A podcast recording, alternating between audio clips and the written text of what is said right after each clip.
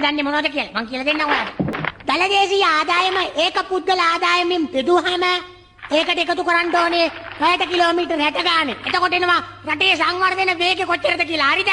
අන්න ඉකොනොමික්ස් එතකොට මෝඩයක්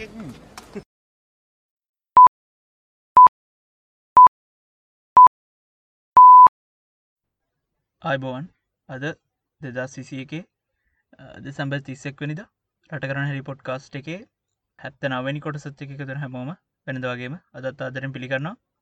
ඒ වගේම තමයි පොඩ්කාස්ට් එකේ හැත්තටනි කොට සත්්‍ය එකතුරු අපිත් එක අදහස් බෙදාගත්ත හමටමත් ගොඩක් ස්තුතියි කියලා කියන්න ඕන්. අද පොඩ්කාස්ට් එකෙන් අපි කතා කරන්න බලාපොරොත්තු වෙන්නේ ජාතික ජනබලයගේ ප්‍රකාශ කරපු අර්බුදය ජයගැනීමට කඩිනම් විසිඳුමක් කියන ඒගොල්ලන්ගේ ප්‍රතිපත්ති ප්‍රකාශනය ගැන. ති මේ දවස්සල අපි දකිනා ජවිපෙත් ඒගොල්ල අලුතෙන් හදාගෙන තියෙන ජාතික ජනබලවයගේ කියන සන්ධානයටත් වෙනදා නොතිබුණු විදිහේ ජනප්‍රියත්වයක් සමාජය ඇතුළේ ඇති වෙලා තියෙනවා. ඒකත් එක්ක ඒ රැල්ලත් එක්ක විසිවෙනිදා ඒගොල්ල අර්බුදේජා ගැනීමට කඩිනම් ප්‍රවේශයක් කියලා ඒගොල්ලන්ගේ මේ ඒ ජාතික ජන බලවගේ අලුත් ප්‍රකාශනයක් එටියට දානවා. එතෙන්දී ඒගොල්ලන්ගේ ව්‍යාපාරය අලුත් නායකයොත් ප්‍රසිද්ධ කරනවා.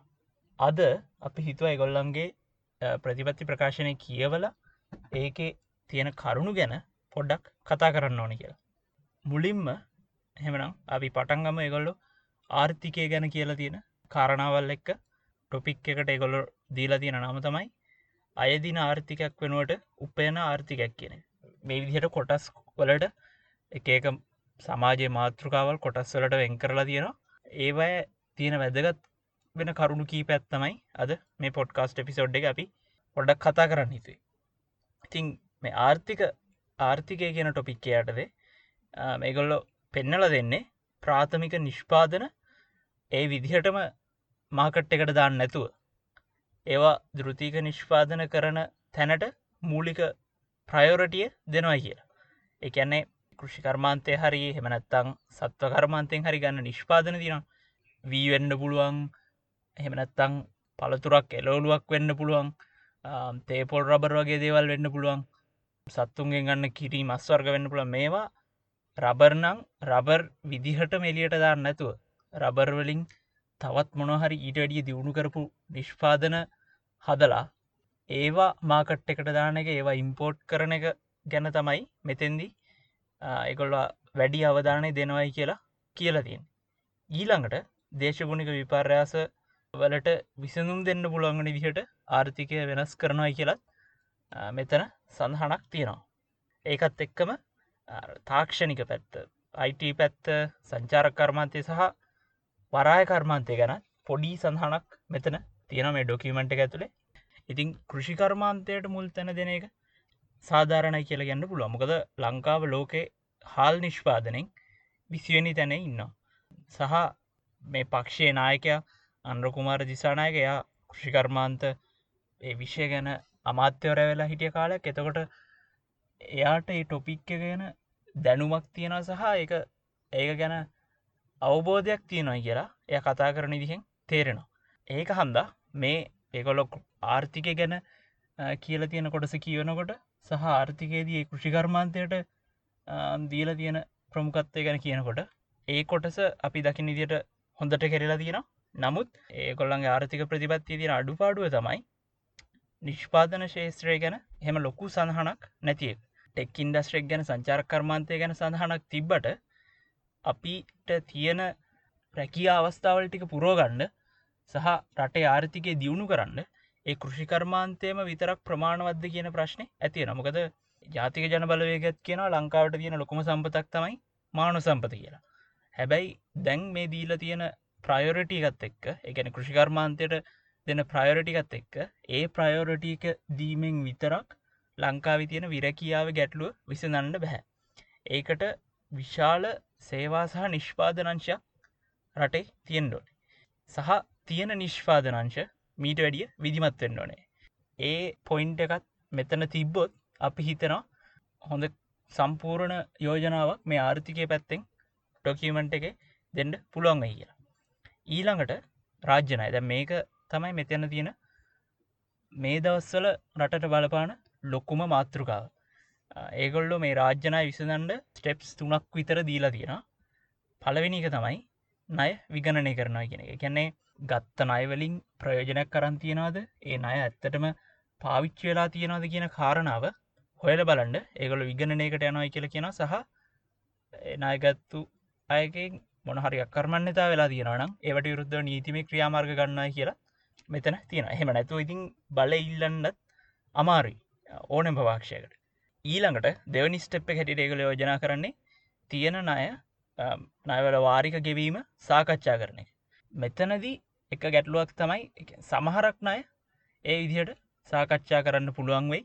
ඒ කියන්නේ මොකක් හරි ප්‍රොජෙක්් එකකට නයක් දුන්න නං ඒ දීපු ණයට සාපේක්ෂ අපිට හම්මුණ ප්‍රතිලාබේ කැන්නේ රුපියල් මිලියන මිලියන දහයක් කෙලෙදමු රුපියල් මිලියන දහය දහයක් දීලා අපිට පාරක් හදන පාරක් හදන ප්‍රජෙක්්ටයක් අපි බාරගන්න හැබැයි පාරේ වටිනාකම ඇස්තුමෙන්තු කරහම ඒවට ගිය වියදං ඇස්තුමෙන්තු කරහම එතන මිලියන පහයිනං ගිහිල්ල තියෙන්නේ. මිලියන තව පහක වංචාවක් සිද්ධල තින ඒ වගේ එහෙම වෙලාවක හෙමනැත්තන්ගේ ගත්ත ප්‍රොඩක්් එක වටිනාකම අඩුවෙන වෙලාවක ඒක ගැන සාකච්ඡා කරන්න පුළුවන් අවස්ථාවල් ඇති.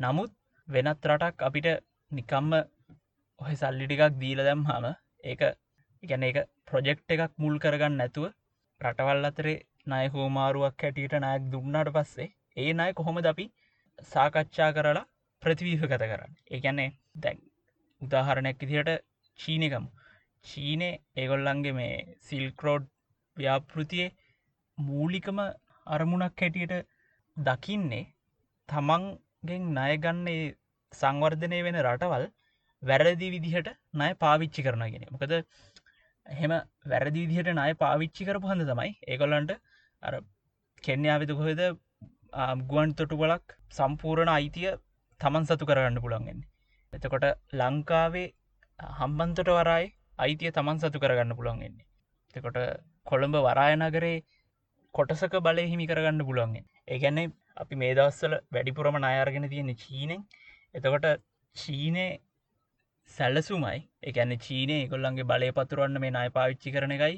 අපි ඒ අය ගැන සාකච්ඡා කරල ඒවා ප්‍රතිවිහගත කරන්න යන උත්සා කරන එකයි ටිකක් පරස්පර විරෝධී. එතකොට ඒක කොහොමද බැලන්ස් කරන්න කියන ප්‍රශ්නය ඇතියනවා ඒක ස්ටෙප් ඊළඟට තුන්වැනි ස්ටෙප් එක තමයි ඒගොල්ල කියනවා දැන්ගේ නය ගෙවා ගන්න ඉදිහ ගැන එක ඒගොල්ල දෙන උත්තරේ ඊළඟට අනාගතයට රාජ්‍ය ආයෝජන ඇති කරන්න ඒගොලු කියන්නේ පිටටල්වල ඉන්න ලාංකිකයන්ගේ ගුඩ්විල් එක වගේ කාරණාවල් මුල් කරගෙන ඒගොල්ලන්ට කියනයි කියලා ලංකාවේ ආයෝජන කරන්න කියලා. ගැන්නේ පිටට ඉන්න මිනිස්සුන්ට ඉල්ලීම් කරන අපි හොඳ මුල්ල පරිපාලනයක් ඇති කරන්න ඕගොල්ලො රටට සල්ලි වටිකල ඉතින් රටක ආර්ථිකයක් මිනිස්සුන්ගේ යහපත් අරමුණු ගුඩ්විල් එක කියන ඒවගේ අස්ථාවර කරුණු මත තියාගන්න එකට අපි එකඟ වෙන්නේ නැහැ. එක නිකාර ඒ එච්චර හොඳ ආර්ථික ප්‍රතිපත්තියක් නෙවෙයි කියල තමයි අපි හිතන්න. ඒකට ඒකට ඊට වැඩිය හොඳ පිළිතුරක් තියෙනද නැද්ද කියලා අපි දන්න එත් නැහැ. නමුත් දේශපාලන ව්‍යාපාරයක් හැටියට ජාතික ජන බලවේගයට ඊට වැඩිය හොඳ උත්තරක් තියෙන්න්න ඕනි කියලා අපි විශ්වාස කරන ඒක තමයි අපිට මේ එකොළන්ගේ රාජ්‍යනය ගැන තියෙන ප්‍රතිපත්තියට කියන්නද. ඊළඟට මේ ඩොකිමෙන්ටේ කතාවෙන නිෂ්පාදන ආයතනවල ව්‍යහය ගැන. මෙතෙන්දී අපි දකිනා දැන් අලුත් ව්‍යාපාර ජාතික ජන බලවේගේ හැදෙනකොට අලුත් ව්‍යාපාර එකතු වෙන ජවපෙත් එක් එතකොට යම් යම් කාරණාවලදී ඒගොල්ල අතර වෙනස්කම් තියෙනවා. හැබැයි අපි හිතනවා තම්කරු අයිතිවාසිකම් කියන මාතෘකාවටහාම මේ ගොඩක් ව්‍යාපාර ඉන්න එකම තැනක. ඒ කියන්නේ වෙල්ලඳ ඒකාධිකාරි තියෙනවනං ඒව නැති කරන එක. තකොට විශාල ප්‍රමාණය ව්‍යාපාර ලොකු ලාබ ලබනවනම් ඒ ලාබ සේවකයන් අත්තරෙත් සාධාරණව බෙදායන්ඩ පුළන්ගනදහි අවස්ථාවල් හැදීම කියන දේවල්වලට මේ ගොඩක් ව්‍යාපාර එකඟයි කියලා අපි හිතනවා. ඒක මේ ප්‍රතිපත්ති ප්‍රකාශනයත් පෙන්නල දීල තියෙනවා. එකන්නේ ආයතනයක් විශාල විදිහට ලාබලබනවනම් ඒකේ ලාභ සහ ආයතනය වැඩ කරන විදිහ ගැන කතා කරන්න අයිතියක් ආයතනට වැඩ කරන සේවකයන්ට තියන්න ඕනි කියලා මේ ප්‍රතිපත්ති ප්‍රකාශනය තියෙනවා. ඒක අපි දකින්නේ මේ ඩොකිමෙන්ට් එකේ තියෙන හොඳ ඇතුළත් කිරීමක් කියලා.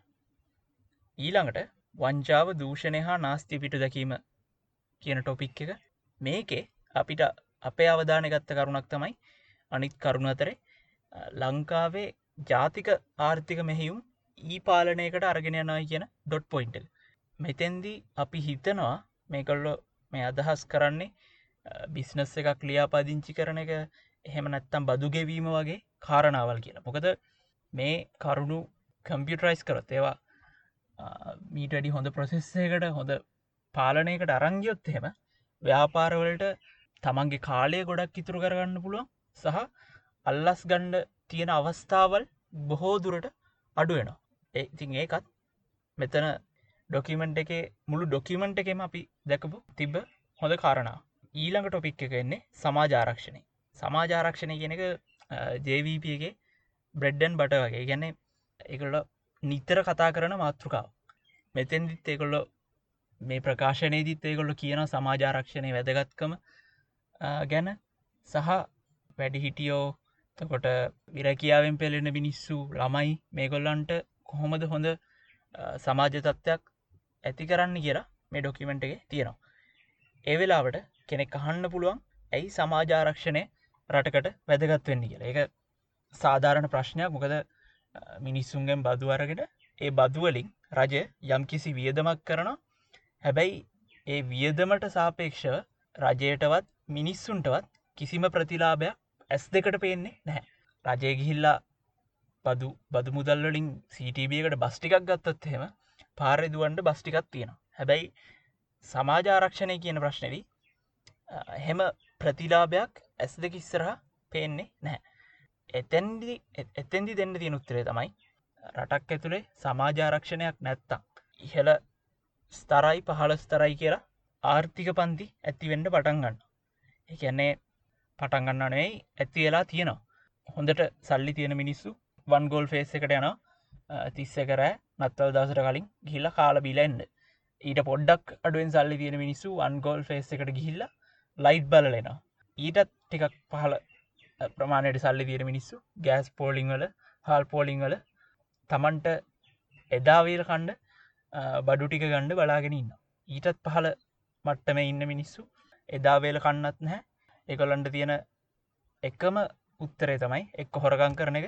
හෙමනැත්තම් බඩිගින්නේ.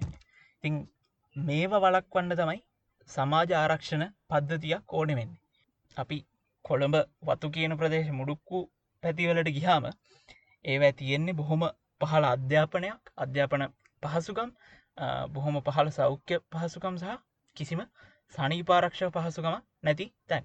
ඉතිං ඒ ප්‍රදේශවල අපි දකිනා මද්‍රව්‍ය තියෙනවා අපරාධ තියෙනවා. එකැන්නේ සංවිධානත්මක අපරාධ තියෙනවා ගනිකා සේව තියෙනවා. මේ ඇතිවෙන්ඩ මූලික හේතුවක් තමයි සමාජ ආරක්ෂණයක් නැතිවෙන එක.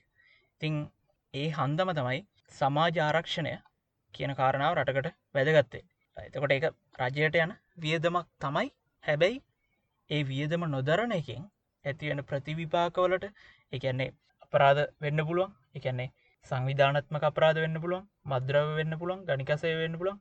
මේ ප්‍රතිවීපාකවලට විසඳුම් දෙන්න යන වියදම අර සමාජාරක්ෂණයට යන වියදමට වැඩිය ගොඩක් විශාලයි. තිං ඒ හන්ද සමාජාරක්ෂණයට අවධානය දෙන එක ගොඩක් වැදගත්.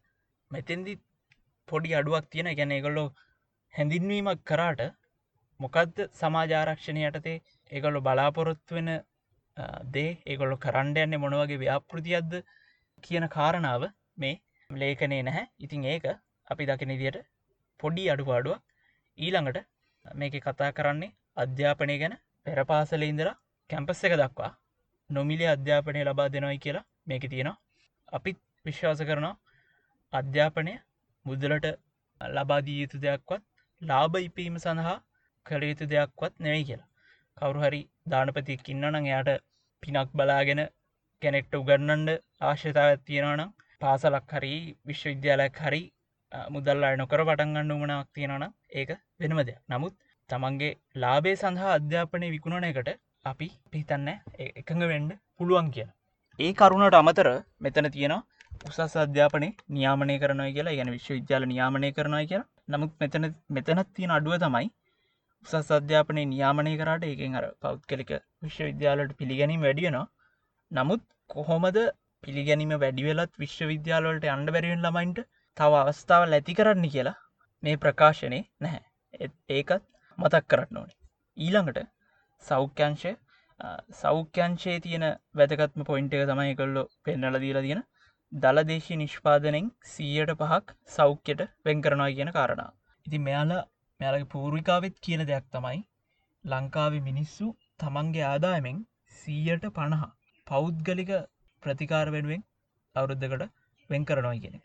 මේක ඇත්තනං ඒ දත්ත ඇත්තනම් රාජ්‍ය දායකත්තේ අනිවාර්යෙන්ම වැඩිවෙන්න ඕනේ. මොකද නිදහස් සෞඛ්‍ය තියෙන රටක මිනිස්සු තමන්ගේ සෞඛ්‍යනුවෙන් සියට පණහක් ආදායමනුත් වෙන් කරනවා කියන්නේ බදුවලට අමතර ආදායමනුත් වෙන් කරනවා කියල කියන්නේ එතන නිදහස් සෞඛ්‍යයක් නැහැ කියන එක. ඊළඟට විනෝදස්වාදය මහමැතිවරණයෙන් පස්සේ මිනිස්සුන්ට සංස්කෘතික ජීවිතයක් තියෙන්න්න ඕන කියන කියන ඒ වචන ටික කිව් එකම පක්ෂය අප හිතන්නේ. ජාතික ජනබලයගේ ගෝටාබයවත් මහින්දවත් රඩිල්වත් සජිත්වත් එහෙම දෙයක් කියනවා. ඒකට ආසන්න දෙයක්වත් කියන අපිට මතක නැහැ. ඉතිං මේ ප්‍රකාශයෙන් අපි හිතන අඳුරගෙන තියෙනයි කියලා. ලංකා මිනිස්සුන්ට තවදුරටත් ෆිල්ම් හෝල් එකකට යන්න තරංවත් වෙලාවක් නැහැ. වේදිකා නාට්‍ය කලා සම්පූරණයෙන්ම විනාශයලා ගිහිල්ලා නවකතාවක් කියවන්න මිනිස්සුන්ගේ වූමනාවක් නැහැ. පුස්තකාලවලට යන්ඩ මිනිස්සු නැහැ. සහ වෙලාවක් නැහැ. වගේ සංස්කෘතික ගැටලු ලංකා මිනිස්සුන්ට තියෙනවයි කියලා අඳුනගෙන තියෙනවා. ඒක හොඳ දෙයක්. ගැන ගැටලු අඳුනගෙන තියෙනවා. නමුත් ඒකට දෙන පිළිතුරක් නැහැ. ඒක මෙතන තියෙන තවත් අඩුපාඩුව ඊළඟට ප්‍රවාහණය. ප්‍රවාහණය යටතේ මෙගල්ල යෝජනා කරන ලංකා ප්‍රවාහන අවශ්‍යතාවෙන් සීයට අස්සුවක් පොදු ප්‍රවාහණය හරහා සපයන තරමට ප්‍රවාහන සේවේ දියුණු කරනා කියෙනෙ ඒක අප හිතන්න හොඳ දෙයක්. මොකද එක පරිසරයටත් හොඳයි සහ ස්ට්‍රෙස්ස එකක් නැතුව වැඩට යන්නත් පුළුවන්. කාලයක් ඉතුරුවෙන නමුත් උදේට වැඩට යන එක තියෙන තදබද ඉඳලා මේ මහාමාර්ගවල තියෙන ගොඩක් තදබදවලට අනතුරුවලට හේතුවක් හැටියට අපි දකින්න මේ හැම දෙයක්ම හැම සේවාවක්ම කොළඹට බස්නාහිර පලාතර විතරක් කේන්ද්‍ර වන එක. ප්‍රවාහන ශේත්‍රය තියෙන ගැටලු විසඳන්න නම් අප හිතනවා මේ සේවාවල්ටික කොළඹින් එලිය ඉඳලත් බස්නාහිර පලාතෙන් එලිඉඳලත් කරගන්න පුළුවන් නිදිහට ලොකු වෙනසක් සිද්ධ වෙන්න ඕන කියලා. එක පොදු ප්‍රවාහන සේ වැඩි කරලා විතරක් ගණ්ඩ පුළුවන් දෙයක් නෙවෙයි. එක තම අපිට ප්‍රවාහන සේව ගැන ඇඩ් කරන්නදී ඊළඟට මේක කතාවෙන්න ලිංගිගත්තය ගැන. එතැන්දි කාන්තාවන්ට රැකියාවිදි වෙන පීඩනවලට ක්‍රියාමාර්ග ගණ්ඩ සමරිසි මිනිස්සුන්ගේ අයිතිවාසිකම් ආරක්ෂා කරන්න ස්ත්‍රීපුරුෂ අසමාන බව තියෙන නීති සංශෝධනය කරන්න කාන්තාවන්ට වෙන හිංසනයට විරුද්ධ විරුද්ධෙන්ට ක්‍රියාමාර්ගගන්න සහ සංස්කෘතික වශයෙන් කාන්තාව ගැන තියෙන අගතිගාමී අදහස් වලට විරුද්ධ මත ඉදිරියට ගන්න කියෙන ඒ පොයින්ස් ටික ඒකොල්ලු මේ ලිංගිකත්වය කියන සෙක්ෂන් එකේ පෙන්නල දීලා තියෙනවා. ඒක අපි හිතන හොඳට හිතල තියෙන සෙක්ෂණයක් කිය ඊළඟට ආයමත් අපිට වැදගත් තවත් ටොපික් එකක් තමයි ළමයි සහ තරුණ ප්‍රජා. මෙතැන්දි ළමයි වෙනුවෙන් ළමා ආරක්ෂණය තියෙන නෛතික රාමුව වෙනස් කරනා කියලා සඳහනක් තියෙනවා. ඒ වගේම තමයි තරුණ ප්‍රජාව ගැන කතා කරනකොට ජවිපට දැන් සිද්ධ වෙලා තියෙනවා මේ රටේ තරුණ ප්‍රජාවට කතා කරන්නමකද ඒගොල්ල තමයි දැන් විශාලම චන්දදායකවරයි ඒගොල්ලන්ට තරුණ ප්‍රජාව බලාපොරොත්තු වෙන්නේ සාධාරණ සහ සමානත්මතාව තියෙන සමාජයක් කියල තමයි ඩොකිමෙන්ට් එක තියෙන්නේ. එකැනෙ දැන් අපි වැඩි හිටි පරම්පරාවල් ගත්තොත් වැඩිහිටි පරම්පරාගෙන ඒගොල් ඊළඟ සෙක්ෂණය කතා කරනවා. තකොට වැඩි හිටිය වෙනුවෙන් ඒගොල්ලෝ රැක බලාගන්න පෙන්ෂන් එක වෙන්න පුළුවන්. හෙමනත්තං සමාජාරක්ෂණ ක්‍රමවෙන්න පුළුවන්. අබාධිත ප්‍රජාව වෙනුවෙන් ඒගොල්ලන්ගේ අධ්‍යාපනය සෞඛ්‍ය ප්‍රවාහනය වගේ දෙවල්වෙන්න පුළුවන්. ඒ වගේ වැඩිහිටි ප්‍රජාවට අබාධිත ප්‍රජාවට දෙන්ඩ රජයෙන් ලබාදී යුතු සහ රජෙන් ඉටුවෙන් ඕනේ වගකීම් ටිකක් තියෙනවා. සහ ඒක මේ ඩොකියමන්ටගේ පෙන්නල දීලා තියෙනවා. නමුත් තරුණ ප්‍රජාවදිහට හැරුණාම රටේ තරුණ තරුණයන්ට ඕනේ තමන්ට ගැලපෙන විදිේ රැකියාවක් කරන්න අවස්ථාවක් සහ දේශපාලනය දේශපාලනය මැදිහත් නොවෙන සමාජ ආර්ථික වටපිටාවක් කියලා අපි හිතනවා. සහ ඒක ඩොකිමෙන්ට් එක යම්තාක් දුරකට පෙන්නල දීලා තියෙනයි කියලා අපි හිතන ඉතින් ඒක මෙතන තියෙන හොඳ දෙයක්. ඊළඟට දේශපාලන ප්‍රතිසංස් කරන කියන කොටස. මෙතැන්දී අපි දකින වැදගත් දෙයක් තමයි පාර්ලිමේන්තුවට වග කියන කැමිඩට් මණ්ඩලයක් යෝජනා කරනවා විදායක ජනාධිපතිවරය වෙනුවට. එතකොට විදායක ජනාධිපතිවරයා රාජ්‍යංශයයි හමුදාවේ ප්‍රධානය වෙනවා. අනිත් විදාක වගකීම් ටික කැබිනට් මණ්ඩලයට යනවා.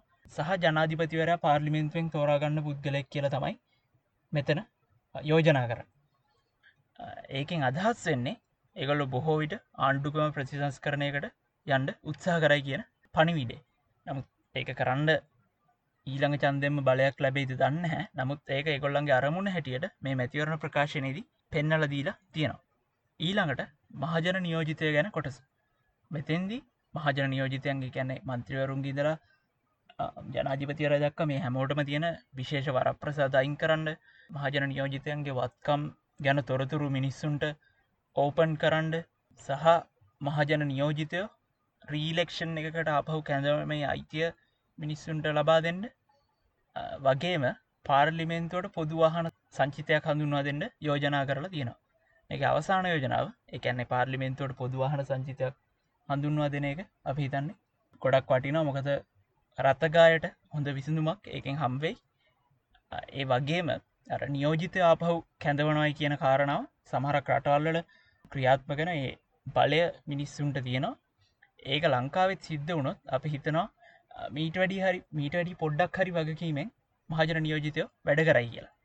ඊළඟ සෙක්ෂණ එක නම තමයි ලාංකයේ ජාති මේ සෙක්ෂණ එක තියෙනවා බලය විමධ්‍යගත කරන නව පාලන වීහයක් හඳුන්වා දෙනතෙක් පළත් සබා විදිමත් කරනවා කියලා ඩොට් පොයින්ට එකන්නේ ඔවුන් බලයට ආවොත් බොහෝදුරට පළත් සභා ක්‍රමය වෙනස් වෙන්නතු පවතිවී.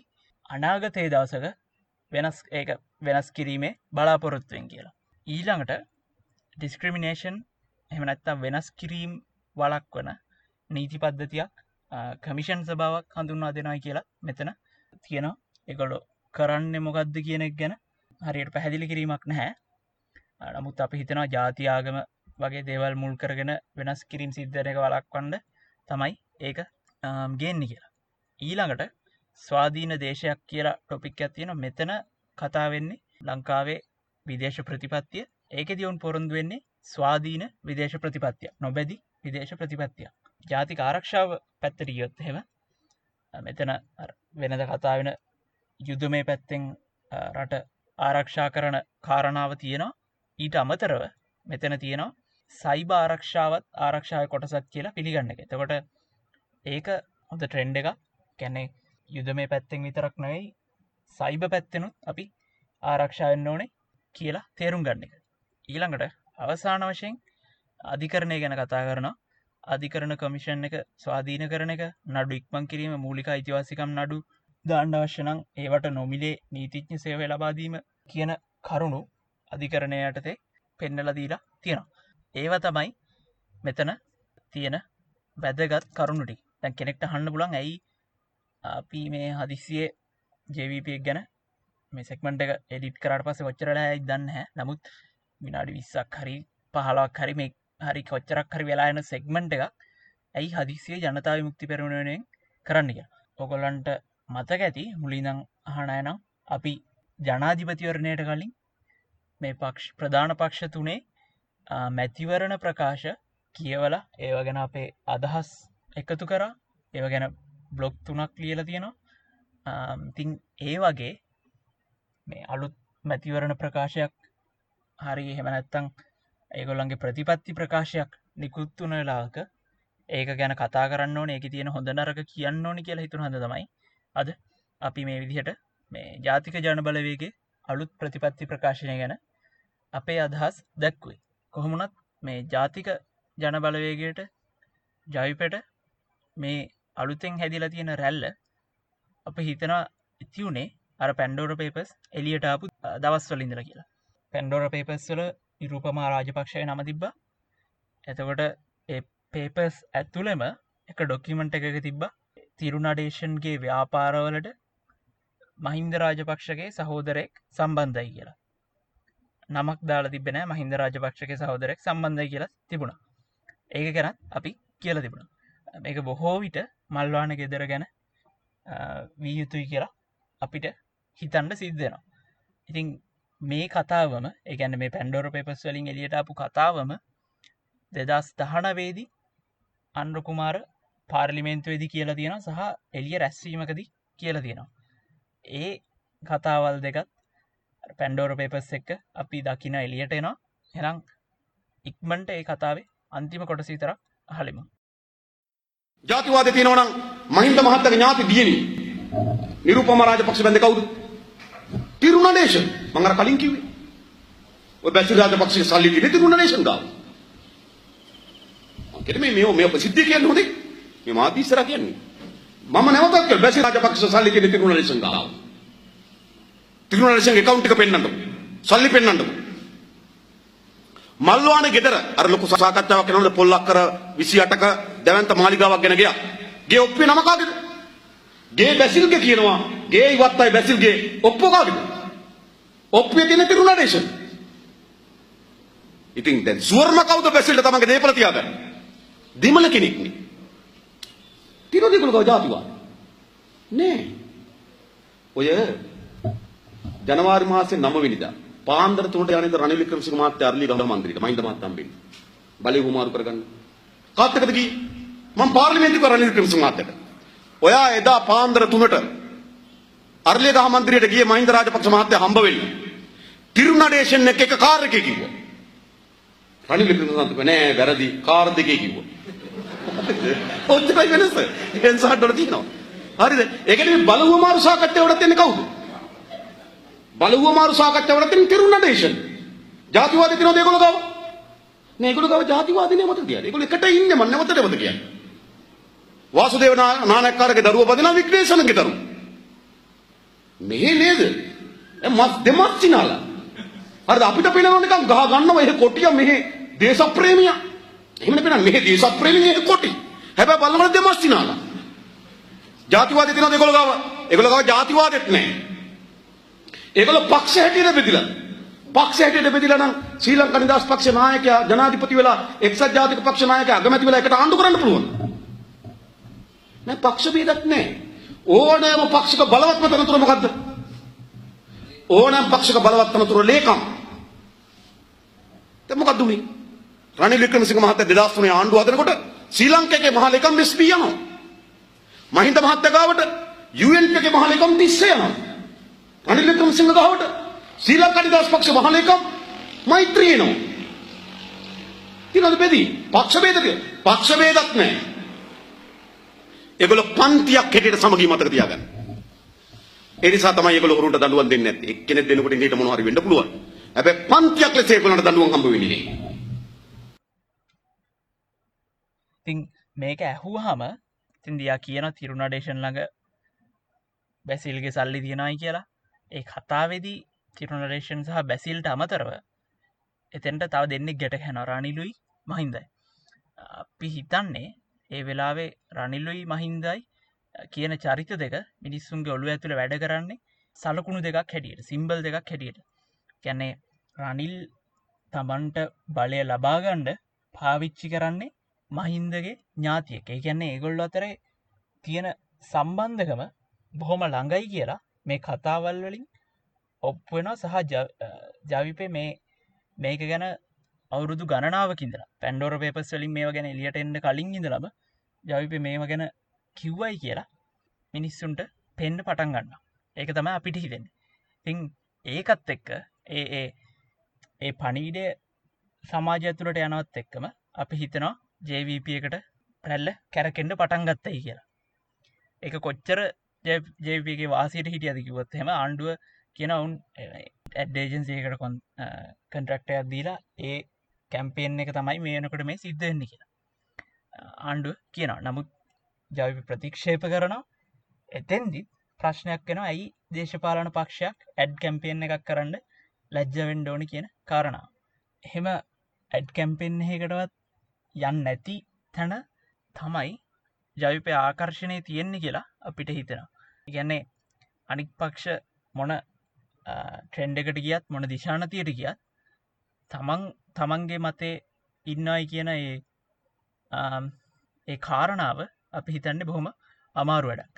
ගැන එක හම්බෙන පමිට් එකෙන් ඩබල් කැබ් විතරක් ගන්න එකද හෙමනත්තං පඩිය පක්ෂයට දෙන එකද ඇඩ් ඒජන්සි හර කම්පෙන් නොකරන එකද හොරකම් ගැන චෝදනාවල් නැතු දේශපාලනය කරන එකද ඒ වගේ අකණ්ඩව තමන්ගේ මතය එකන එක කොච්චර පරණ වනත් කොච්චර යල් පැන ගිහිල්ල කියලා මිනිස්සුන්ට හිතුනත් ඒ මතේ වෙනස් නොකර මෙච්චර කල් එන්ඩ පුළන් වුණ එක හඳ තමයි අද මේ රැල්ලක් ඔවුන්ට ඇවිල්ල තියෙන්නේ කියලා අපි හිතනවා.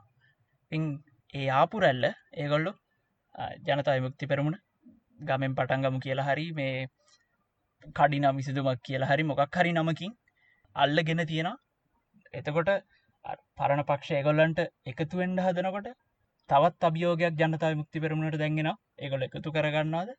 එහෙම නැත්තං ඒගොල්ල එකතු කරගන්න නැද්දි කියනමක සමාජ එකකොට එක කට්ටියක් කියන තනියම් මේ වැඩි කරන්න බෑ.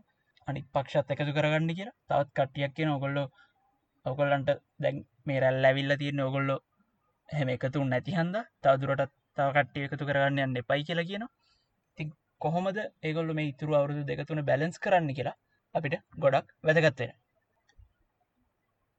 ඉතින් ඒකත් එක්ක අදට අපි අපේ පොඩ්කාස්ට් එක හැත්ත නැවැනි කොට සාසන් කරන නැවතත් පොඩ්කාස්ට් එකේ අස්වනි කොටසිෙන් අමනගම් හැමෝටම අයිබෝවන් සුබ අලුත් අවුරුද්දක් වේවා.